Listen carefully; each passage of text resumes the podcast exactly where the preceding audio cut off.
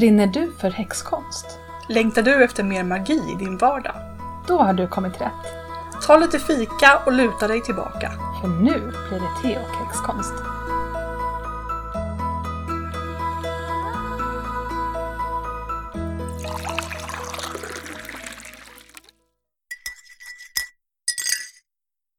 Kommer du ihåg när vi hade storseans hemma hos dig? Ja. Ja. ja. Eh, och då fick jag ju höra att eh, hon som gjorde den, hon såg eh, två stycken tanter. Mm. Som typ håller lite ko- koll på mig nästan. Som, Ah. ja någon sorts, eh, ja vad ska man säga, skyddsandar eller Ja, någonting. Ja. Eh, och då kommer jag på att det måste vara min mor, mormor och hennes syster. Mm. Eh, och sen så kom jag på att jag hade en bild på dem. Och så hade jag tänkt skriva ut den bilden och sätta på altaret eh, till, till Sauen. Mm. Men jag, jag ville visa dig bilden. Mm. Va? Åh, vilka eleganta damer! Ja! Oj, vad fint! Ja, Jag tror att det är en, den bilden är tagen någon gång på 70-talet. ja just det. Jag tror, jag tror att jag var ganska nyfödd just då. Ja. De är väldigt propra. Ja, Och hon har ju en helt fantastiskt tjusig kjol där. Som är lite veckad. ja det är min mormor det. Ja. Ja. Eh, så den har jag tänkt att jag ska ja skriva det. ut och ja. sätta i en ram. Ja. För det känns, det känns så fint att tänka så här att ja men de kanske håller koll på mig. Mm. Ja men jättefint verkligen. Ja. Men jag tycker att det har ju, alltså jag har verkligen haft en period nu då jag, eh, kring Sauen där jag liksom känt så himla mycket närvaro på ett väldigt positivt sätt så. Ja. Att man är liksom eh, beskyddad och att det inte är eh, att livet inte är slut när man dör. Det har jag verkligen liksom eh, kommit fram till den här gången. Alltså, även om jag, det har jag ju alltid trott men det har blivit så himla påtagligt. Ja, vad kul. Mm. Vad fint. Vad har, du- vad har du gjort för häxigt annars? Jo, men det är roligt att du tog upp den här storseansen för den kompisen har jag, det är ju liksom min mediumkompis lite grann så. Och healingkompis. Så att vi brukar träffas och ha healingkvällar med varandra och prata om sådana här saker. Och då, dels så har vi provat att kanalisera. Hon är jätte, jätteduktig. Hon har gått massor med utbildningar. Hon åker iväg ja, men typ minst en gång om året till Arthur Finley College heter det. Det ligger i Stansted utanför, Ja, okej. eh, utanför London. Som är så här riktigt, riktigt proffsigt. Ja men hon är fantastiskt duktig. Men så, så tyckte jag, för jag har ju också gått mediumutbildningar men det är ju så himla länge sedan. eh, Just det här med att ka- kanalisera. Men så provade vi lite grann och så gick det jättebra. Jag tycker att jag inte ser någonting och allting är bara luddigt och rörigt. Men det jag säger är, hon bara mitt i prick och så berättar hon och så är jag så här, men hur kunde jag, liksom, hur är det möjligt? Så. Men det roliga var att, vi, att jag också så här, övertalade henne att eh, prova Ouija. Mhm. Ja, för det är någonting, jag lyckas liksom inte få, det är någonting som jag gjorde när jag var ung och tyckte var jätte, jätteroligt. Men det är liksom ingen som riktigt är intresserad. Eh, och det gick inte så bra. Eh, sådär, utan vi fick kontakt med någon som var jätteseg och slö och det gick långsamt och så. Men glaset flyttar sig ju liksom. Och hennes reaktion, för hon har ju inte gjort det här förut, när det börjar röra, hon bara så, för, för att det är så häftigt att glaset flyttar sig ändå. Eh, och jag tycker att oavsett vad det är, eh, hur mycket liksom man får ut i det i liksom kommunikation så är det ändå så otroligt bekräftelse på att eh, allt det här som vi tror att vi vet, det finns mer. Liksom. Det fi- finns ändå någonting annat. Ja. Så att, eh, det är alltid en liten pepp att, att göra det där tycker jag. Jag har alltid varit sån där skeptiker. Ja. Men nu har jag faktiskt snarare blivit en sån där Nej men jag tror inte jag vill prova för då kanske det händer någonting. Men varför det då? Det är väl så här liksom men jag har väl hört liksom eh, du och de andra liksom och prata om så här att åh helt plötsligt så hade jag världens ande som bodde i mitt vardagsrum. Och det, det var grejer som Ah, ja, rörde ja. på sig och Ja. Men lite, lite ja, lite grann. För att, för att, och, då känner jag att jag, jag, vet, man, jag vet ju inte tillräckligt mycket jag tror ju att allting är gott liksom. Så. Mm. Ehm, men jag vet inte, och nu gjorde vi, vi gjorde väldigt mycket skydds... Eh, liksom, skyddande innan då för att det här ska vara bara en kanal för våra kärleksfulla anhöriga. Du vet. Så, sådär ungefär. men, eh, men då var det ju också väldigt, väldigt trögt. Mm. Så jag vet inte om vi satte upp för mycket skydd eller så. Men, men så var det i mitt hus där jag växte upp. Så eh, när vi hade hållit på med det där ganska mycket så, så det var ju liksom ja, men en tavla som bara helt plötsligt åkte ner. Alltså en sladd som liksom till tavlan som stod eh, rakt, alltså den fastsatt med sådana här små, vad kallas det för, sådana här, som du har här. Ja, nu är det precis, ingen som ser det då, men klamrar. Sladdklamrar. Mm, precis. Och då är liksom eh, mellan två klamrar så står sladden rakt ut liksom i Oj. en halvcirkel. Så. Det är så helt uppenbart att någon har dragit i den här. Och så har tavlan ramlat ner. En bok som bara for rakt ut ur bokhyllan. Eh, och som jag tänkte så här, åh, ett meddelande! Nej, det stod ju inget intressant alls där. Jag kommer inte ens ihåg vad det var för bok. Men det var liksom, det var så här, jag kan inte läsa ut någonting alls av det här. Så att, ehm, men jag kände aldrig att det var obehagligt. Det var bara Okej. Mm. lite närvaro i det där huset. Ja. Nej, jag har ju helt plötsligt så här nästan börjat tro på spöken. Ja, Eh, kanske främst efter den där gången när vi var på kaféet i Gamla stan. just det. Och vi båda bara kom tillbaka från toaletten och bara eh, det, det är spöke på den här toaletten. Ja, men båda liksom på... jag vet inte vem det var som sa någonting först, men den ena sa så här. Kände du någonting där inne? Ja, precis! Jag upplevde också att det var ett spöke där. ja nej, men det var uppenbarligen någon mer. Kanske inte inne i själva toalettbåset men så liksom någon mer där. Ja. Som liksom iakttog en. Ja, ja. Mm, lite läbbigt. Mm, mm. Ja men det var ju ett av de här riktigt gamla husen på Ja. Stortorget. Mm. Ja. Eh, ja, nej men det roliga är att hon, eh, eh, hon tyckte det där med Ouija, ah, lite obehagligt. Men hon drog ju med mig på en sån här fysisk, fysisk seans.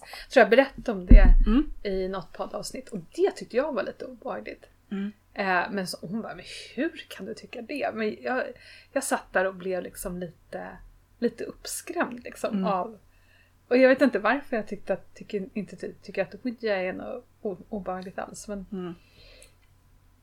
ja, ja men vad kul. Mm. Eh, ja men jag kanske får med dig på Ouija någon gång då. Ja, varför Du inte? får, vi får ju göra det hemma hos mig så får ju jag tampas med spökena efteråt. Det har du rätt i. Vad Ja. dricker du för te då? Ja, men jag dricker Mareld igen. Jag har ju precis varit och, och köpt nytt te. Ah. Så det, alltså, det luktar ju så gott när det är liksom alldeles nytt. Ja men det gör det. Mm. Men jag har tänkt på en sak med te. För nu var jag hemma hos någon häromdagen. Eh, och de hade bara så här pucka-teer. Mm. Har du tänkt på det? Att bara för att man är så här häxa eller lite andlig eller så och gillar te så utgår folk ifrån att man ska gilla så här yogi-teer. Och pucka-teer. Jag vet inte. Fast du brukar ju ha ganska mycket sånt. Ja men det är för att jag har fått utav folk. Så folk kommer ju hem till mig och bara Här, jag köpte ett pucka-te åt dig. Man bara, mm, tack så mycket. Man blir ju glad av presenter såklart men jag tycker inte om det alls. Alltså jag kan tycka om eh, några. Det finns för någon sån där yogi som är typ någon chai-blandning. Det Ja. kan jag tycka är gott. Ja, ja. Men så har jag också fått för mig att yogi-teer, är, är det te i? Nej, jag tror inte det är det. Utan det är ju liksom örtteer egentligen. Ja, eller kryddteer. Krydd, ja precis. Kryddor och örter. Ja, nej, jag är väl mest förtjust i, i svart te. Mm. Men, Ja, men, jag, jag kan tänka mig såhär, liksom, ja, om man är häxa då, men då ska man eh, automatiskt gilla kamomillte. Nej. Nej men precis, jag, och jag är lite ledsen att jag inte gör det också. Faktiskt. Eh, och jag vet inte, de här, är det yogateerna som har ett litet visdomsord också? På, Ja, liksom, eh, så att man bara får en liten extra present med sin tekopp. Så. Ja, jag känner att jag skulle vilja älska kamomillte. Nej, jag pallar inte det. Jag tar ibland, men ibland gör jag faktiskt med färsk ingefära och typ kanelstång och kanske någon så här kardemumma eller någonting sånt. Alltså mitt eget. Mm. Eh, men då känns det... Ja men det gillar jag ändå. Då känns, jag vet inte Mm. varför. Det känns bättre. Det känns som jag har hackat på kamomillte förut. Ja, eller hur? ja, ja. Ja, men du gillar ju åtminstone gröna teer. Mm. Och du gör väl några örtteer? Ja men det Eller gör köper? Alltså, nej. Nej. Nej det gör jag inte. Nej. Men hade du inte någon sån här eh, häxblandning eller Just prästinneblandning? det, jag hade häx- ja, men Witches Brew, det var ju från ehm, eh, Glastonbury. Mm. Ja. Eh, och, och då är ju det lite roligt att dricka och sådär men det är inte min favorit egentligen. Mm, mm. Nej. Ja. Det är väl därför jag kanske föredrar svart te då, för att det är mera smaker. Jag tror att vi är också lite vanemänniskor, både du och jag. Mm. Eller hur? Mm. Så att eh, jag vill gärna ha mitt gröna, fruktiga, Mm. blommiga te. Ja men precis. Och jag sitter här med kaffe då. Mm. Som har lite, blivit lite av min vana. Det är okej. Jag var lite sur i början. Ja ja, fast nu beror, beror det ju på för att jag har faktiskt precis ätit frukost. Fråga inte vad klockan är, men jag har precis ätit frukost. Och då blir det kaffe. Då blir det kaffe. Ja, det är okej. Har du gjort något häxigt då, på sista tiden? Eh, ja men lite. Räknas en boksignering? Ja, det tycker jag. Ja. För jag var nämligen på science fiction-bokhandeln förra veckan. Eh, och då var det boksignering och Mm. för en bok som heter Handbok för unga häxor. Mm. Av Håkan Westesson och Linda Spåman. Eh, och det var jätteroligt faktiskt. Mm. Eh, och det här ska alltså vara någon sorts roman fast det ingår små tips om hur man är en häxa. Ja. Ja, och eh, Linda Spåman som är en av författarna, hon har även designat egna tarotkort. Jaha. Så förutom själva signeringen så fick man då dra ett kort. Ja. Och även plantera ett litet frö faktiskt. Nej, vad fint. Ja. Eh, så då, När jag släpper min bok, då Ja. ska jag också ha så fina saker på min eh, bok, mitt boksläpp. ja, ska vi ha tillsammans? Ja, ja, visst. ja, börja jobba! Ja, fan. På dina det blir böcker. jobbigt. ja, jag, jag, eh, jag sa att jag ville dra ett kort för, och fråga om min karriär, det vill säga jobb och sånt där. Mm, mm. Eh, och då fick jag det här kortet. Mm. Luxury. Ja, Och så står det även eh, Stay away from instant gratification. okej. Eh, jaha.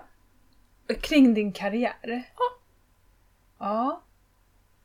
Eh, okej, så eh, det är ju, han, då tänker jag att det handlar om att, tänka långsiktigt. Mm. Alltså att inte liksom vad, vad har jag lust med just nu utan vad, hur vill jag att framtiden ska se ut och så Mm. försöker jobba mot det målet. Så, så tänker jag. Mm. Ja, men jag tänkte också kanske så att jag är en sån person som helst vill att någon ska ringa imorgon och rekrytera mig till mitt drömjobb. Ja, Och så är det färdigt. just det. Det, Ja, det kommer nog inte att hända.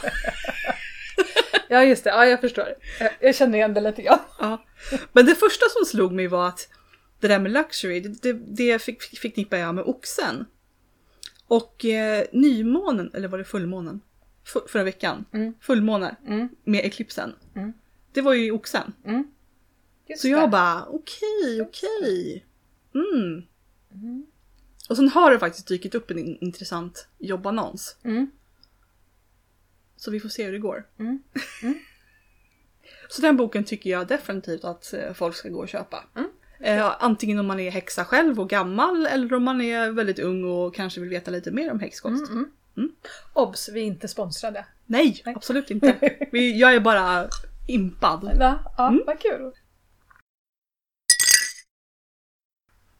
Alltså du har ju stört dig lite grann på det här med, med trippelgudinnan, har du inte det?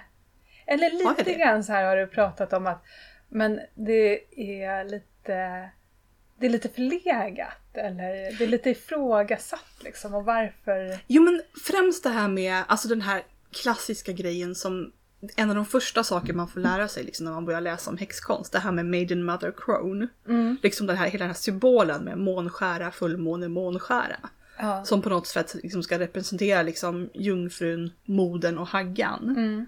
Eh, för jag har ju alltid trott liksom att jaha, det här är en viktig stor grej och det här är liksom så har det varit alltid och sådär. Mm. Tills jag liksom läste på, på Twitter någon gång att ja, men det, där var, det där är påhittat typ i en bok. Ja. Ja. Av en modern författare. Okej, inte supermodern för det var vadå? 1948. 40, ja, 49, ja 48, precis. Ja. Mm. Men ändå så här, för, jag har liksom tagit det för givet på något sätt efter, eftersom att det är en sak som folk alltid pratar om. Att det liksom var någon sån här grej som Mm. gammal lore. Ja, precis. Men eh, inte, nej. Nej. Alltså den som jag hittade det var Robert Graves. Mm. Ehm, han verkar ha varit en riktig excentriker. Eh, eh, läste igenom hela hans Wikipedia-artikel. Eh, jätteintressant, det kan man gott göra. Mm. Eh, men han, och han då plockade upp det. Men alltså han har ju någonstans har han ju hittat det. Inte bara att han har hittat på det här utan Men var han typ historiker eller Ja. vad var han för någonting? vänta, var han och poet tror jag? Ja, ah, okej. Eh, vänta, han var... Ehm, Kelt, alltså han var historiker på Ja. visst område. Det kommer jag inte ihåg. Men, men, men grejen är att Maria Gimbutas också, hon har också tagit fasta på det här och hon är ju så här jätte, jättestor eh, arkeolog som väldigt mycket utav eh, gudinnerörelsen grundar sina grejer på. Eh, hon har forskat på de här gudinne, gamla gudinnestatyeetterna och sådana saker. Så att, eh, men, men forskning är ju alltid färskvara. Så att det, det, och jag tror hennes, hon var verksam på 70-talet. Så att det har ju också ifrågasatts liksom, lite grann. Men hon, hon tyckte att alla eh, hade tre aspekter liksom, som hon kunde se det. Eh, men sen behöver det inte vara, jag vet inte om hon var inne på just det här med Maiden Mother Crone tanken liksom. Ja, för jag tänkte, alltså det slår mig nu att vi pratade ju om den där dokumentären vi hade tittat på om stenålderskvinnor. Mm. Och där så fanns det ju faktiskt en väggristning i någon grotta. Mm. Där man tyckte liksom att det där, då var det någon som hade tolkat det som att här ser vi en bild på först en ung kvinna, sen på en havande kvinna och sen på någonting Just till. ja. Och då hade de tolkat det som att det såg verkligen ut som det var någon sorts liksom urform av Ja. liksom Maiden Ja. Mother Crone. Ja. Men eh, alltså det beror ju helt på hur man tolkar det också.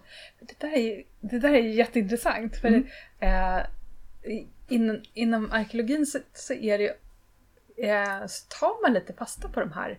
Alltså dels så kan man, så finns det liksom eh, diskussioner kring om att den, den eh, Alltså den gamla kvinnan är ett eget genus. Så.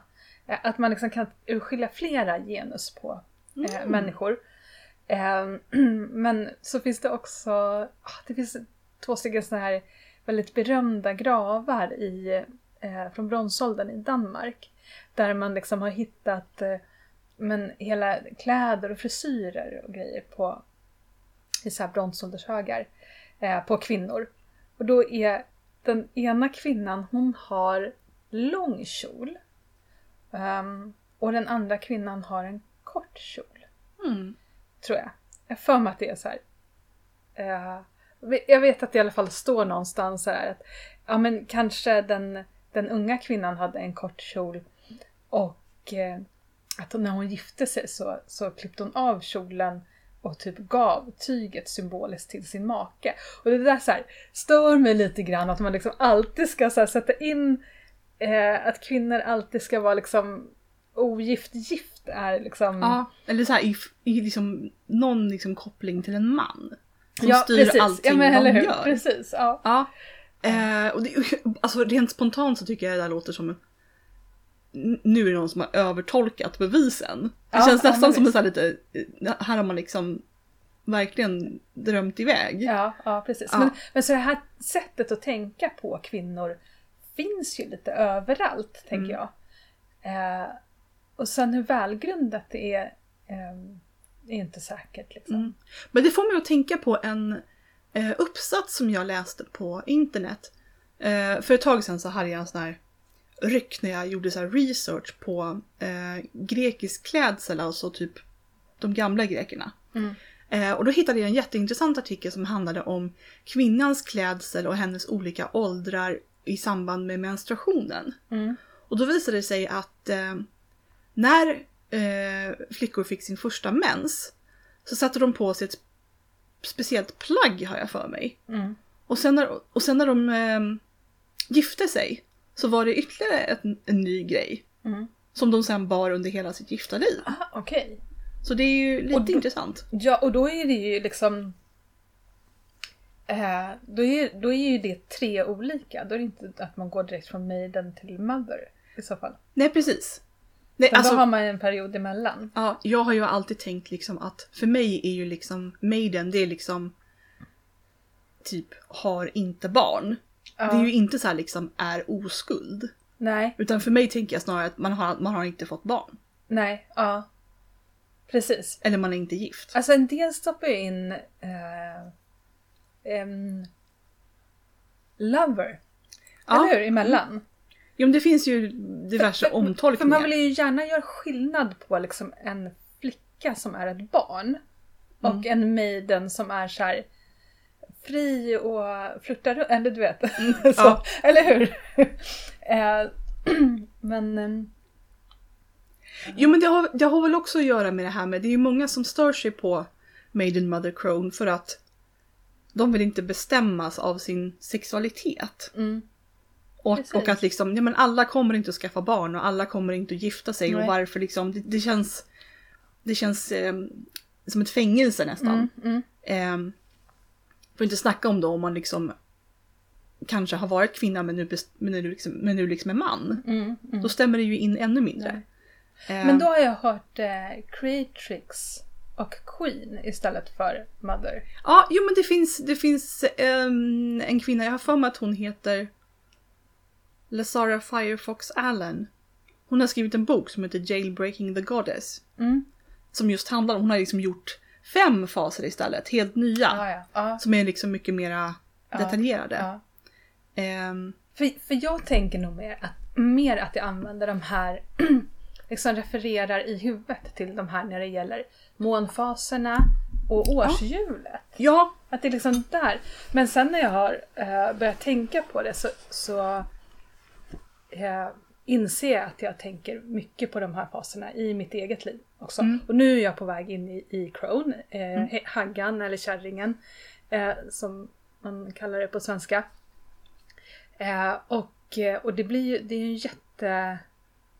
Alltså och då har jag tänkt jättemycket på, men eftersom jag inte har några barn, vad, vad bestod min liksom, moderperiod utav egentligen och sådär. jo men du har ju jobbat på... Gud vad heter det? Man säger inte dagis längre. Jag har jobbat på förskola. Ja, men precis. Ja, men det här är ju också en grej liksom. Eh, att varför ska man då... Måste det vara att ta hand om barn liksom? Eller att vara vårdande?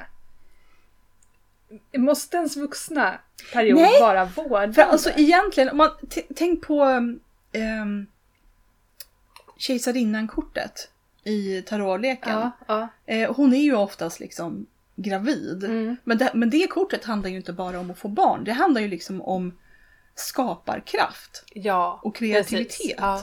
Att, att, folk, att man liksom får saker att växa. Ja.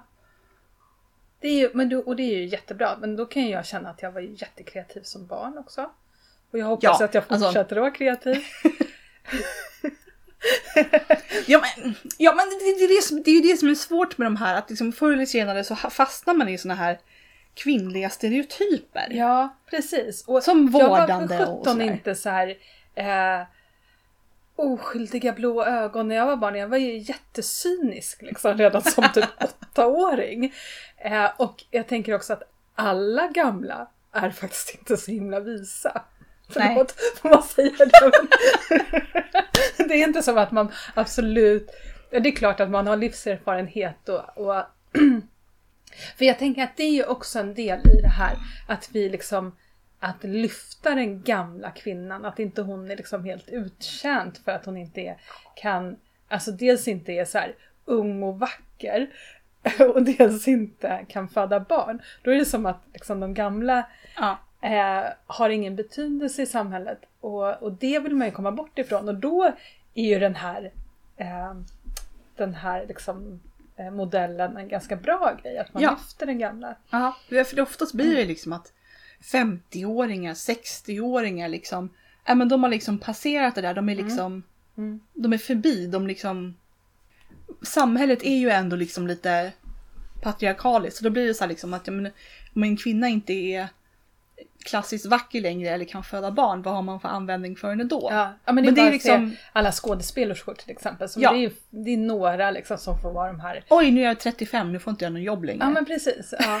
Eh, eh, Medan nå, några hänger kvar och, och de blir ju väldigt liksom, respekterade då. Mm. Men eh, ja, Ja, men jag kan se fram emot att bli lite äldre nu faktiskt. För när jag jämför så här liksom med hur jag var när jag var 22.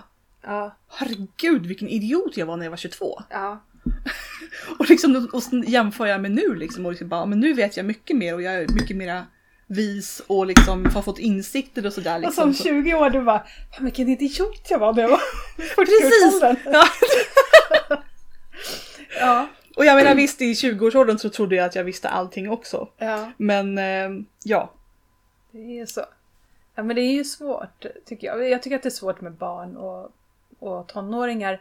För att de vet inte allt. Men ofta så underskattar man dem också. Mm. Man både överskattar och underskattar kan jag tycka. Mm. Eh, men men eh, en annan sak då som jag tänkte på det är ju det här med ja, men, både puberteten och klimakteriet som ju faktiskt är liksom väldigt reella skeenden är i en kvinnas liv. Mm. Och att vi eh, lite... eh, att vi inte ger dem den... Alltså att de får inte vara... De är så mycket viktigare än vad vi liksom ger dem utrymme att vara, Mm, känner mm. jag. Eh, och jag tänker liksom på... Eh, men jag har tänkt jättemycket på liksom hur, hur jag håller på så här eh, rensar ut massa skräp från mitt vu- vuxna liv och börjar ifrågasätta saker och vad vill jag och liksom vänder och vrider på grejer. Och jag tänker på hur man gör det i puberteten också, att man börjar ifrågasätta saker som man bara har accepterat som sanningar som barn. Man börjar fundera på hur ens barndom egentligen var. Var det okej att de här vuxna betedde sig så här mot mig? Eller så. Så tänker jag bara, tänk om vi kunde liksom fånga upp alla tonåringar. Mm. Eh, och men, det är ju helt galet att vi bara, ja ja, det är hormoner. Men de har ju liksom inga redskap alls att få hantera de här hormonerna liksom. För vi ger dem inte det. Vi bara eh, buntar ihop dem i stora högstadieskolor och tror att de ska fixa det. Liksom, Mm, och så. sova får de inte heller för de ska upp och gå i skolan när Ja, de, men, när klockan, klockan åtta på precis, morgonen. Precis, fastän de behöver jättemycket sömn och Ja, nej men precis. Det, det, det är så jättetokigt. Så varför, varför har vi liksom inte ett system där vi fångar upp tonåringar ordentligt och liksom hjälper dem att bli eh, trygga vuxna? Ja, det närmsta man kommer är väl konfirmationen. Ja. Och det var ju, Ja, inte, det var ju inte direkt någon sån här allmän livsgrej. Eh, grej. det var ju mest liksom, det var ju bara en religiös grej. Ja. ja, men ganska mycket. Alltså nu var jag konfirmationsledare i många år. Ja. Så väldigt mycket så här, eh, det är jätte, jättebra. Det är ju liksom eh, väldigt mycket så här livsfrågor och fundera Mm. över saker och liksom eh, fundera över sina liksom, känslor och inställning till saker och sådär. Ja, nej men så det, det, det där, men och då tänker jag så här, då, då har ju den här indelningen egentligen en betydelse Mm. på något sätt. Även om inte vi blir mödrar när vi får mens liksom, så, Mm. så går vi in i den fasen då, då på något sätt. Borde vi fira de två grejerna? Ja men jättemycket mer. Men, Eller åtminstone ha någon sorts grej som markerar det. ja, Jag vet inte om du kommer ihåg att jag berättade om jag såg någon... Jag kommer inte ens ihåg vad dokumentären handlade om. Men poängen var att det var en ung flicka som precis hade fått sin mens i eh, något indiansamhälle i eh, USA. Mm. Eh, och eh, hon skulle gå igenom en viss ceremoni för att hon hade blivit vuxen så att säga. ja, Och jag tror att det var att hon skulle springa någon viss sträcka när solen gick upp eller ner eller något sånt där. Och så när hon liksom kom i mål så blev hon firad. ja, ja, Och jag tänkte liksom, fuck vad underbart. ja, verkligen. Ja. Men, men alltså jag, jag kände mig inte direkt vuxen när jag var 12 liksom. Nej, Jag alltså, vara- jag var nio. Ja, Det är också så här Ja. liksom, oj, tidigt. ja det är jättetidigt. Ja. Mm. Och då är det inte som att, för jag kommer ihåg att min storasyster bara, nu har du blivit kvinna. Och jag Man bara, bara, nej, jag är inte kvinna. Jag är flicka. så. Nej men jag tänker att kan vi inte fira när man kommer ur puberteten också? Det, jag, jag skulle vilja liksom se det här som en liminal zon, Mm. som vi pratade om. Eh, att man faktiskt är i ett mellanområde. Sen när man kommer ur puberteten, då kan man börja bli vuxen. Men jag vet inte, jag vet inte hur man vet när man kommer ur puberteten. Nej, det är det ju... vore ju coolt om man kunde göra någonting sånt istället. Mm. Eller fira att man har liksom gått in i, klimakteriet. Ja, För jag precis. tänker så här liksom att är det två saker som verkligen är, eller har varit så här skamfyllda. Så är det ju liksom att få mensen och att sluta ha mens. Ja. Det är ju sådana saker liksom som, liksom, det ska man helst inte prata nej, om. nej. Och varför är det så? Ja. Ja, Det kanske egentligen borde vara tvärtom. ja. Att vi firar lite mera. Alltså, Om man vill. Ja, absolut.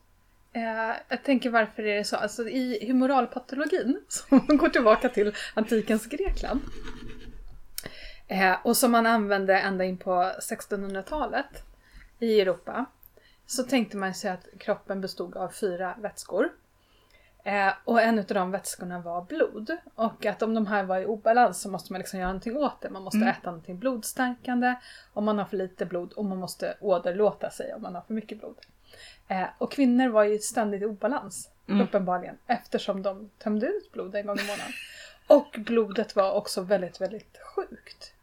Eftersom det är ett obalanserat blod. Manskroppen däremot, den var den sunda, friska. Det var idealet, det var förebilden. Så. Eh, och då tänker jag, alltså det finns ju tusen andra anledningar också till att det är mens är tabu. Liksom. Men, men det tror jag är en utav dem. Mm. Nej, men jag funderade på han den här Robert Graves. Mm. Eh, för jag kan börja tänka så här, för jag har, på 1800-talet så blev ju myten om Persefone väldigt populär. Både bland författare och poeter och alla möjliga så här kulturmänniskor. Eh, liksom berättelsen om, om flickan som eh, blir kidnappad av Hades och nedstiger i dödsriket och mamman blir jätteförtvivlad och allting slutar växa och sen så är det Hekate som räddar en och så vidare. Eh, så då tänker jag liksom att kommer liksom Robert Graves inspiration från någon historisk källa eller är det liksom någon sorts kulturell källa? Mm. Har han liksom tagit någon sorts eh, bild av någon trippelgudinna och sen liksom, ja men det passar in på den här berättelsen. Det här borde vara, okej då är liksom, då är Persefone, Demeter och Hekate, det är liksom en trippelgudinna då. Mm. Det är så svårt att veta liksom vad som är grundat på ja, fakta är ju kanske lite konstigt att säga, men liksom vad som är fundat liksom på bra information och vad som egentligen kanske är, är baserat på eh, en konstnärlig uppfattning. Mm. Eller någon sorts kulturell strömning. Mm. Just det. Nu har vi inte läst den. Jag tror den hette eh, The White Goddess, Okej. den boken. Ja, Eh, det låter ju som någonting man vill läsa faktiskt. ja, jo, absolut. Men ja, precis. Det är svårt. Men, men sen är det ju också en intressant sak. Varför måste allting vara gammalt? Nej men just, just alltså liksom att jag... Det känns som jag vill ifrågasätta lite. Mm. För vad jag har lärt mig så är det liksom det här med att Persefone och de två andra ska liksom vara en klassisk trippelgudinna. Mm.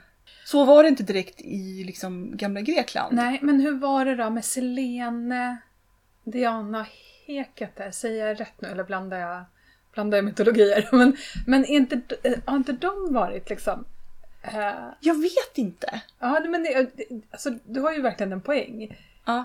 Vad är det som är liksom eh, modernt och som man bara har sett så här tusen bilder på Pinterest av? Ja. Och vad är det som Ja. liksom, faktiskt är grundat i de gamla källorna? För jag vet ju att till och med, alltså Hekate ses, ju ofta som en trippelgudinna. Mm. Det är ju liksom, det ser man ju liksom statyetter och bilder överallt liksom att hon har tre kroppar. Mm. Ehm, men från början så var inte det självklart. Nej. Utan det finns precis lika många statyetter och bilder på henne där hon bara är själv. Ja. Och är liksom en person. Ja. Eh, och att, liksom, att det på något sätt har blivit populärt att hon ska vara en trippelgudinna. Alltså det kanske kommer ifrån att hon jobbar mycket med den här indelningen. Jord, ehm, nu ska vi se, under, under jorden, jorden och himlen. Mm. Hon jobbar ju liksom med de tre Ja. rikena. Ja. Och därför så blir det ju tre där också. Ja. Ehm, nej men alltså jag tycker absolut inte att liksom, bara för att det är nytt så är det dåligt. Nej. Men, för, jag, för jag tycker ju såna här människor som som liksom gör research och vill göra allting precis som de gjorde för 4000 år sedan. Mm. Sådana människor stör jag mig på. Mm. För jag liksom, fast vi lever inte för 4000 år Nej. sedan. Liksom om du ska Det är offra... också väldigt svårt liksom, att Ja. veta exakt hur det gick till. Ja, men där ska du liksom offra till Hekate som det var 4000 år sedan, då får du liksom offra hundvalpar. Ja, Liksom det funkar nej inte! precis. Nej men precis. Och, men, men jag tänker att, att det viktiga är väl kanske att man vet vad som är vad. På något Ja. sätt. För det, det är ju massa knasiga sanningar som går runt som inte, faktiskt inte är sant. Liksom. Mm. Eh, Och bara för att man läser det i en bok så behöver inte det betyda att det är liksom... Nej absolut, alltså det är ju, nu så är det ju många böcker från 80-talet som har börjat ifrågasättas. Ja, Eh, men det är ju, det tycker väl jag snarare är ett bra tecken på att Ja. liksom folk har börjat fundera på sådana här saker. ja, ja. Sen säger jag liksom inte att bara för att en, en bok är från 80-talet så är den automatiskt dålig. Tycker Nej, jag det absolut ju inte. inte. Liksom man får använda liksom omdömet och sin egen kritiska förmåga. Ja. Ja men det, ja, det är svårt det där. Men det finns ju till exempel, apropå just det här Maiden Mother Crow, det finns ju en del människor som då vill stoppa in det i den keltiska mytologin också. Ja. Och så liksom så klämmer de in några gudinnor i de här rollerna. Ja. Och då blir ju en del människor väldigt förbannade. För, Ja. vad, för, jag har inte, för jag, vad jag vet så finns det ingen så här trippelgudinna inom den keltiska mytologin. Alltså det finns ju Bridget. Är hon tre? Eh, någonstans så står det att hon är tre. Okej. Eller att hon har, att Bridget är helaren. Nej vänta. Är den som poeterna älskar och hon har två systrar. Den ena är Okej. helare och den andra är smed.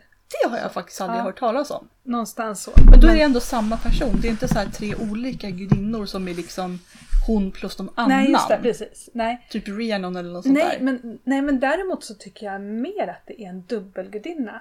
Alltså att det är Kai- Kailiach som är liksom vinterns gudinna och sen är Bride, eh, Bridget eh, sommarens gudinna. Okej. Växtlighetens gudinna. Mm. Eh, så Ja, elden är motsvar, som motsvarar isen då. ja, ja. precis. Eh, så där, där känns det som det är mer liksom är en dubbel. Okej. Mm. Ehm, så det, det tycker jag är intressant. För jag lä- läser ju valesiska på Duolingo och det Ja. är jätteroligt. Men då är det så här superkrångligt, jättekonstig grammatik har de. Mm. Men då, då kan första, första konsonanten i ett ord kan ändras Mm. eh, beroende på vilket ehm, om det är subjekt eller objekt och eh, beroende på tempus och så här jättekonstiga Mm. eh, grejer. Men mm, då kan B bli F ibland. Mm. T blir D. Ja, lite sådär. att De går mellan att vara liksom hårda och mjuka konsonanter. Lite Mm. så. Eh, så eh, Bridget kallas ibland för Fride, tror jag. Mhm. Fride. Hallå, det är ju Freja eller, Mm. eh, eller Frigg. Ja men ibland så undrar jag, och det här är liksom inte alls vetenskapligt, Nej. om inte egentligen alla gudar och gudinnor går tillbaka till samma sak. Ja, lite grann. Nej men, ja. Mm. Jag tycker att det är svårt att säga, för jag tänker också så. Ja. Väldigt mycket. Mm. Men då, då, eh, då tar man inte riktigt hänsyn till liksom att det ändå är så här olika kulturella uttryck. Jag vet att någon gång så sa jag så här, men Hekate och Hel, det är ju samma. Så här. Mm. Och så fick jag någon kommentar på det, så bara ja, nej men det är klart, så kan man ju inte säga. För att det är klart att det är Även om de går möjligtvis kanske tillbaka till samma eller att man har spridit eh, Alltså att Hekate har spridits och eller hmm, någon ursprungsgudinna liksom Mm. har spridits och tagit lite olika former så, så måste man ju också ta hänsyn till att det är olika kulturer. Det, Jo men det slog mig också när vi pratade om Ellen of the Ways. ja, Att liksom att, och den här gudinnan skulle kunna gå väldigt, väldigt långt tillbaka. ja, ja, Och att det liksom kan finnas kopplingar liksom till Ja. andra gudinnor. Ja. För jag tyckte hon var väldigt lik Kate. ja. Men man ser ju absolut likheter liksom med och man ser ju att samma eh, berättelser går ju liksom igenom i olika kulturer. Eh, ja, liksom eh, på, Mm. på, på väldigt långt håll liksom Mm. ifrån varandra så. Men ja, precis. Man, man, man kan klumpa ihop dem och sen måste man också särskilja på något sätt. Ja. Tänker jag. Försöker vara lite politiskt korrekt här eller någonting. Jag vet inte riktigt. Eh, ja. Men vad tycker du om då att man, man skapar tripplar till exempel då i, i Sverige att man så här pratar om Freja som jungfrun och Hel som kärringen. Men vem är moders... Jag kommer inte ihåg det. Frigg? Är det Frigg då kanske? Ja. Är inte Frigg och Freja samma egentligen? Nej. Men jag tänker från början, det tror man väl att de har samma ursprung? Ja, jag vet att de har olika och Fast de Frigg- förekommer ju... Frigg har ju liksom ingenting direkt att göra med krig och sex, eller hur? Men jag har fan inte Freja heller! Förlåt! Nej men alltså! Exploderade jag! Det är ju jävla liksom, det är ju jävla militärhistoria. De bara, vi, om du dör i krig då får du mjöd och jungfrur till alla som dör i krig. Nej men jag tänker alltså, jag, jag tänker ju direkt på kopplingen till Ishtar. Ja. Den ursprungliga kärleksgudinnan. Ja. Liksom innan man delade upp de där gudinnan i antingen krig eller sex. Ja men, Då från tror- början så sysslade de ju både med det. ja men krig, nej, ja. Alltså, kanske då, inte då, krig, nej, då, men- han, då, då tror jag mer att det handlar om liksom kärlek och död. Alltså fruktbarhet och död, att det är, att de ingår i samma. Krig Men- men kanske kolla- är en dåligt, ut, dåligt An- uttryckt. Anledningen men- till att hon är liksom krigsgudinna det är för att det står någonstans att dör du i krig då kommer du antingen till Oden eller till Freja. Det är liksom de delar på. Eh, alla andra kommer till Hels rike och där är det kallt och dystert. Och man bara, ja okej. Alla bönder på järnåldern, de bara, ja här går jag och sliter hela dagarna, jobbar år ut och år in. Och när jag dör har jag eh, ett dystert och kallt och dödsrike att se fram emot. Lyckost er som är ute och krig. Alltså så kan det inte ha varit. Det är självklart att det inte var på det sättet. Vad tog arkeologen vägen? Ja men jag... ja, nej, alltså jag har både ett och annat att säga om de isländska källorna. Men, ja, men det, är, det är helt uppenbart att det här är ju liksom ett urval och att det är, det är, eh, det är liksom en, en krigarklass som har berättat de här historierna. Ja. Mjöd och jungfrur all around liksom, för den som dör eh, i krig. eh, så jag tror inte, jag tror att hon är en fruktbarhetsgudinna. Eh, och eh, kärlek. Eh, också det här med sex, det har väl lite, tror jag, eh, överdrivits på 1800-talet Ja, det är mycket av möjligt. historikerna. Ja. Däremot så finns det i den här Loketrätan så säger ju han du Freja du är mangalnast av alla eller någonting sånt där. Men han är också bara jättekonstig eh, Loketräta. Han bara går runt och förolämpar alla Mm. i en hel historia liksom. Eh, men han säger ju också att Frigg ligger runt och Freja hon det kanske är Frigg som är mangalnast av alla, jag kommer inte ihåg. Freja ligger med sin bror i alla fall och sådär. Enligt den. Och den kan man ju också så här fundera, när har den kommit till egentligen och vad fyller den för funktion? Mm. Ja, Nej, jag tycker att de kan man ju titta på lite Men okej, ögon. det där är ju ett bra exempel på att ta en mall och sen liksom bara försöka klämma in alla mytologier i den mallen. Ja, För jag, alltså, ja, det nej. tycker jag låter som en väldigt så här, modern efterkonstruktion. Ja, Och det kan jag störa mig lite på. ja. ja, gör du det? Ja. Ja, när man liksom bara så här försöker slänga runt liksom hela Major Mother Crone-grejen på alla. Liksom. Lite och, och komma och försöka trycka på gudar sina egna uppfattningar och åsikter. Mm. Mm. Jag kan inte förklara det Anna, jag bara tycker att det är lite fel att försöka komma på någon sorts efterkonstruktion. Ja, När vi ändå liksom vet att eh, liksom Robert Graves han typ att det liksom inte finns något större bevis för det. ja, Plus att jag då tycker liksom att jag kan förstå kritiken mot, eh, mot den trippelgrejen. När det blir så här att för då är det liksom automatiskt att det är någon man liksom tvingar in i någon sorts mammaroll. Mm. Och någon som blir någon sorts haggaroll. Mm. Och då blir det så här, men de kanske inte var det från början. Och när man väl har stoppat in de här tre rollerna, då, då, då är det liksom väldigt lätt att börja dra slutsatser eftersom vilken roll de har fått. Just det. Mm. Ja, jag tror du har jätterätt i det. Att någon liksom helt plötsligt bara kommer Ja men här har vi liksom modern och hon var bara, hon sysslade bara med barn Ja. och fruktbarhet. Ja. Och, och så, så, liksom, så kommer alla de här liksom, eh, förutfattade meningarna om mammor in helt plötsligt. Ja, just det. Trots ja. att, liksom att den gudinnan kanske gjorde andra saker också. Ja. Jag tycker vi att nu för tiden så är vi så dåliga på att se att man, man kan vara flera saker samtidigt. Mm. Man kan liksom vara lite allt möjligt. Mm. Ja, verkligen. Åh, så himla sant. Ja. Jag har väl inget mer att säga om den här saken. Du slog huvudet på spisen. Så huvudet på spisen. På spiken menar jag. Ja, alltså fem aspekter hade du hört.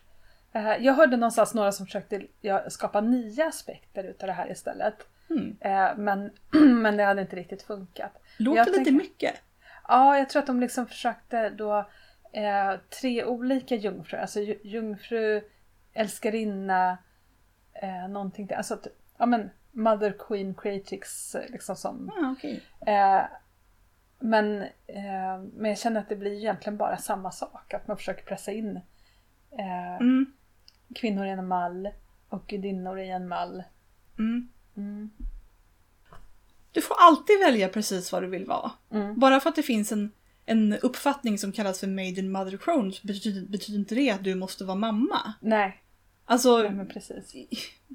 Nej, precis. Som jag sa förut, jag har aldrig personligen stört mig på det. Men det är ju för att jag liksom inser att, ja men vadå, jag behöver inte hålla mig till det där. Mm. Man får ju alltid göra sin egen version av alla Mm. så kallade regler. Mm. Man behöver liksom inte göra som alla andra. Nej. Och jag tycker som sagt att det funkar väldigt bra på, på årshjulet till exempel. Att eh, tänka sig att våren är liksom ungdomens tid och att året mognar liksom. Mm. Eh, och, och sen till slut dör naturen. Eh, och så föds den på nytt. Mm. Vad kommer vi fram till nu då? Man får använda det här om man vill. Vad snällt att vi säger, vi säger hur det är. Man får det, det är okej.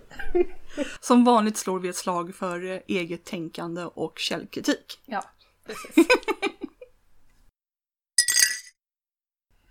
Och om ni har åsikter om det här eller tycker att vi säger dumma saker eller bra saker Mm. så kan man antingen följa oss på Instagram eller på Facebook. Eh, gå in på vår hemsida teohexkonst.wordpress.com .wordpress.com. Ja. Ja.